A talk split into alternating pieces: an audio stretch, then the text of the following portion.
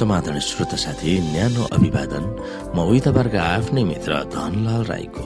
श्रोता साथी आज म तपाईँको बीचमा बाइबल सन्देश लिएर आएको छु। आजको बाइबल सन्देशको शीर्षक रहेको छ प्रशंसाको ढाँचा।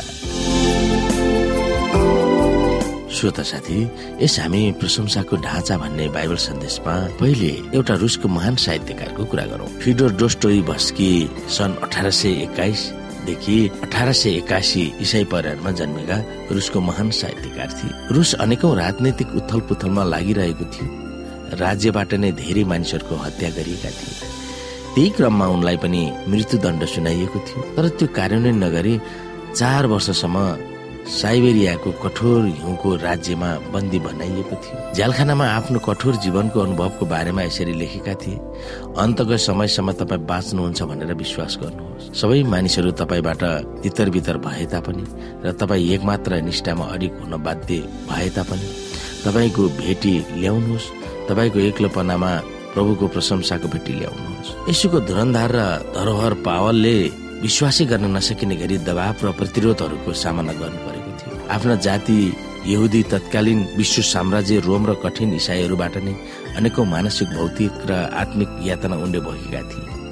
उनको जीवनमा अन्तिम क्षणहरू क्रूर र निरङ्कुश सम्राट निरोको हुकुममा रोमको झ्यालखानामा मृत्युदण्डको फैसला पाएर थुनिएको थियो। कालो चिसो र अन्धकार झ्यालखानामा छटपटिएर बस्नु परे तापनि उनी उदासीन र खिन्न थिएन। बरु एक हजार किलोमिटर रहेका ग्रिसको फिलिपीमा रहेका यशु भक्तहरूलाई बडो उत्सुकता र हौसला र उत्साह दिन पत्र लेखेका थिए। रोमको कालो कोठरीमा निरोको तरवार हानको निम्ति पर्खिरहेका पावलले फिलिपीलाई पत्र लेखेका थिए। त्यस्तो आतत्यायी परिस्थितिमा पावलले विश्वासीहरूलाई उत्साह दिने चिठी कसरी लेख्न सकेको त्यस पत्रमा प्रभुको शान्तको कसरी उपभोग गर्ने भनेर उनले लेखेका थिए। फिलिपी चार हामी पढ्न सक्छौ। विशेष गरेर चारदेखि सातमा हामी ध्यान दिन सक्छौँ। यहाँ हामी एकदेखि नै हेरौँ। यसकारण मेरा भाइहरू म तिमीहरूलाई माया गर्दछु।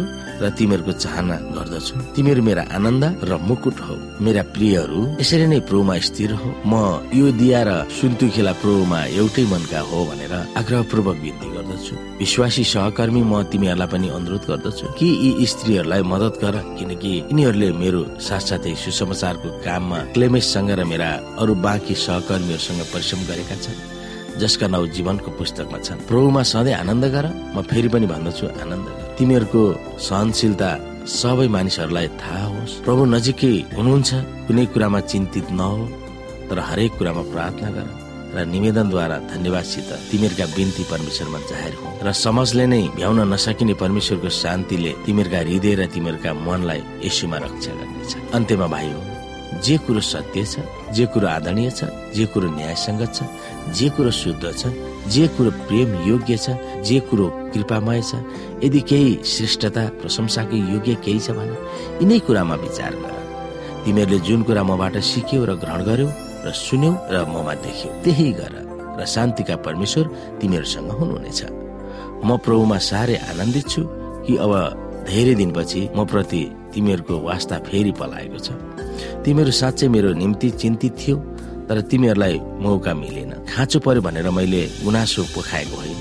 किनभने जुनसुकै परिस्थितिमा भए पनि त्यसमा सन्तुष्ट रहन मैले सिकेको छु। कसरी होचिन र कसरी बढ्न म जान्दछु? परिपूर्णतामा होस् वा भोग प्यासमा होस् प्रशस्तमा होस् र अभावमा होस् सबै परिस्थितिमा सन्तुष्ट रहने रहस्य मैले सिकेको छु। जसले मलाई शक्ति दिनुहुन्छ उहाँमा नै सब कुरा गर्न सक्छु।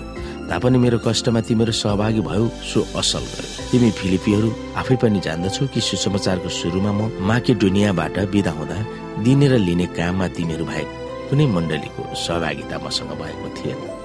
किनभने थ्रिस्लोनिकीमा पनि तिमीहरूले मलाई एक पटक भन्दा बढी नै मेरो निम्ति सहायता पठायो। मैले भेटी खोजेको होइन तर म तर म त तिमीहरूमा यस्तो फलको आशा राख्छु जो तिमीहरूकै हिसाबमा जम्मा हुँदै मैले पाउनु पर्ने भन्दा बढी नै पाएको छु। इप्रा फोडिटसद्वारा पठाइदिएका तिमीहरूको मिठो बास्ना भएको र परमेश्वरलाई मन पर्दो र ग्रहणयोग्य बलिदान पाएर म तृप्त भएको छु। मेरा परमेश्वरले आफ्नो महिमामा उहाँको सम्पत्ति अनुसार तिमीहरूको हरेक खाँचो ख्रिस्यसुमा पुरा गरिदिनु हुनेछ।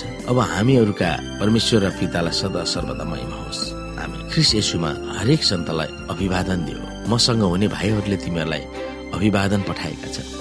सबै सन्तहरूले विशेष गरी कैसरका घरनाहरूले तिमीहरूलाई अभिवादन पठाएका छ प्रभु ख्रिस्टको अनुग्रह तिमीहरूको आत्मासँग होस्। श्रोता साथी सबै कुरो ठिक अनुकूल वातावरण रमाइलो क्षणहरूमा आनन्दित हुनु र खुसीले गदगद हुनु सजिलो छ।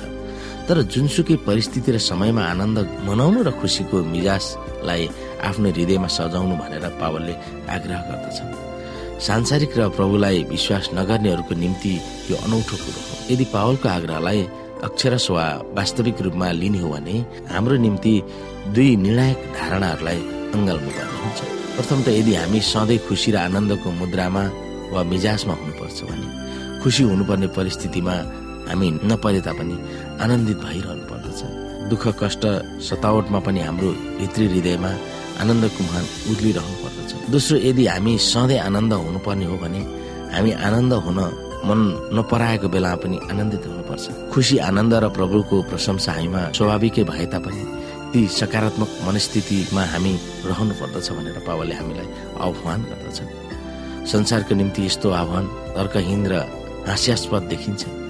अझ बहुला भयो कि के हो भनेर पनि कतिपयले सोच्न सक्छन् तर विश्वासीको जीवनमा खुसी हुने कुनै कारण नै नभए तापनि हामीलाई खुसी र आनन्द हुन बोलाइएको छ। अर्को शब्दमा भन्ने हो भने प्रभुको स्थिति र प्रशंसा गर्नु नै हामीमा भएको विश्वास र निष्ठाको उपज हो विश्वास कुनै परिस्थिति वा अनुकूल वातावरणमा भर पर्दैन।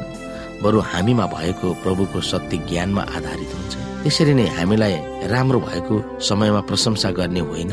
बरु हामीलाई प्रभुको सत्यतालाई चिनेको र उहाँको प्रतिज्ञालाई आत्मसात गर्न सकेकोले नै हामी उहाँको स्थिति र प्रशंसा गर्दछौँ। अचम्म कुरो त यो छ। यही खालको विश्वासले नै हाम्रो सोच विचार भावनाहरू र परिस्थितिहरूको आकृति बन्दछ।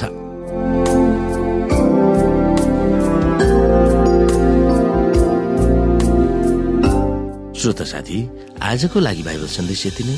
हस्त नमस्ते। जय मसिंह।